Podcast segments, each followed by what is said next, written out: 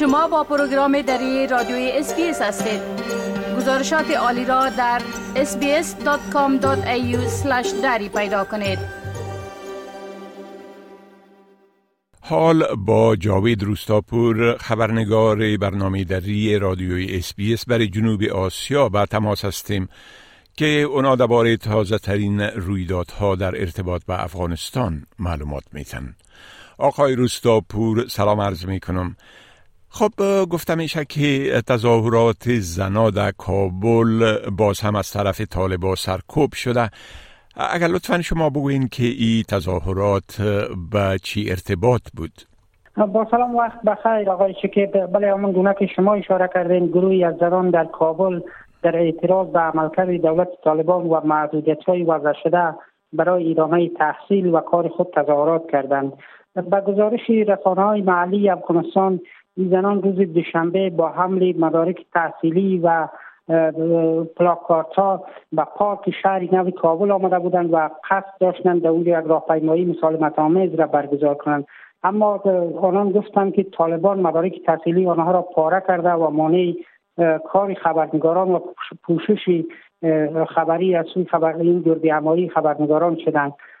ویدیوهای کوتاهی که از جران در شبکه های اجتماعی نشر شده اونا میگن طالبان حتی برای یکی دو تا از با سلی زدن و به طرف از تفنگ ها را نشانه گرفتن. و گفته معترضان تجمع آنها صلحآمیز بوده ولی پیش از اینکه برنامه برگزار شد نخست نیروهای امنیتی طالبان خبرنگاران را از اطراف از دور کردن و سپس آمدن و بنرهایی که یا چاپ کرده بودند یا را پاره کردند. شرکت کنندگان در تظاهراتشان جامعه جهانی را به دلیل بیتوجهی به خواستهای زنان افغان در بیش از یک سال گذشته هم سرزنش کردند. این در حالی است که روز گذشته نیز شماری از مسئولین دختر در ولایت بدخشان پس از آن که محتسبان امری معروف و نی از منکر طالبان به دلیل نپوشیدن چادری و پوشیدن لباسهای رنگین اجازه ورود آنان را به پانتون ندادند دست به اعتراض زدند. منابع آگاه در بدخشان گفتند که استخبارات طالبان گروه دیگری از دختران لیلی پوانتونی بدخشان را که در شهر نوی فیضاواد در جاده ها ضد طالبان شعار سر بدادن لط کوب کرده و برای چند ساعت یا را بازداشت کردند. بیشتر اعتراضات دختران محصول در هرات، بلخ، کابل و بامیان نیز از سوی طالبان سرکوب شده بود و با گذشت روز طالبان برنامه های سختگیرانه تری را علیه زنان و دختران ایجاد کرده و به کار می‌برند بله خب همچنان گزارش شده که طالبا یک جنرال نظامی سابق پس از لتوکوب دستگیر کرده بله؟ دقیقا نزدیکان جنرال سابق که محمد ابراهیم جهادیار نام داشته از مقامات سابق وزارت دفاع دولت پیشین افغانستان اینا به رسانه ها گفتند که او روز گذشته توسط نیروهای طالبان بازداشت شده. روزنامه اطلاعات روز به نقل از پسر آقای جهانیار که ظهور سیرت نام دارد گزارش کرده که نیروهای طالبان او را با ضرب و شتم از خانه بیرون کردن و وقتی هم که وارد خانه شدند سنگایشان را به طرف کودکان او نشانه گرفتند.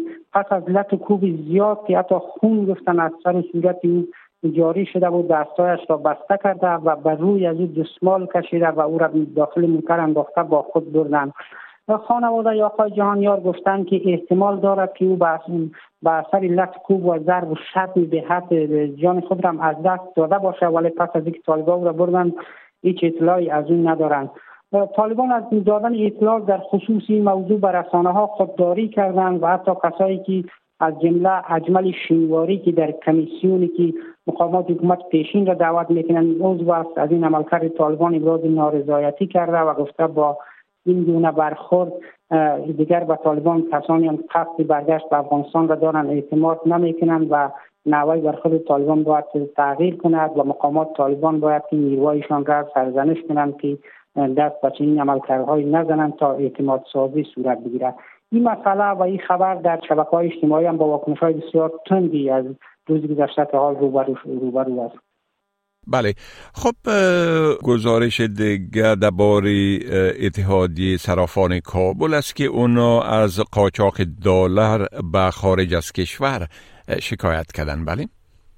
مسئولان اتحادیه صرافان افغانستان از افزایش قاچاق دلار به کشورهای همسایه ابراز نگرانی کردند. این اتحادیه گفته که اخیرا قاچاق دلار آمریکایی از افغانستان به کشورهای همسایه از جمله ایران و پاکستان به صورت چشمگیر افزایش یافته.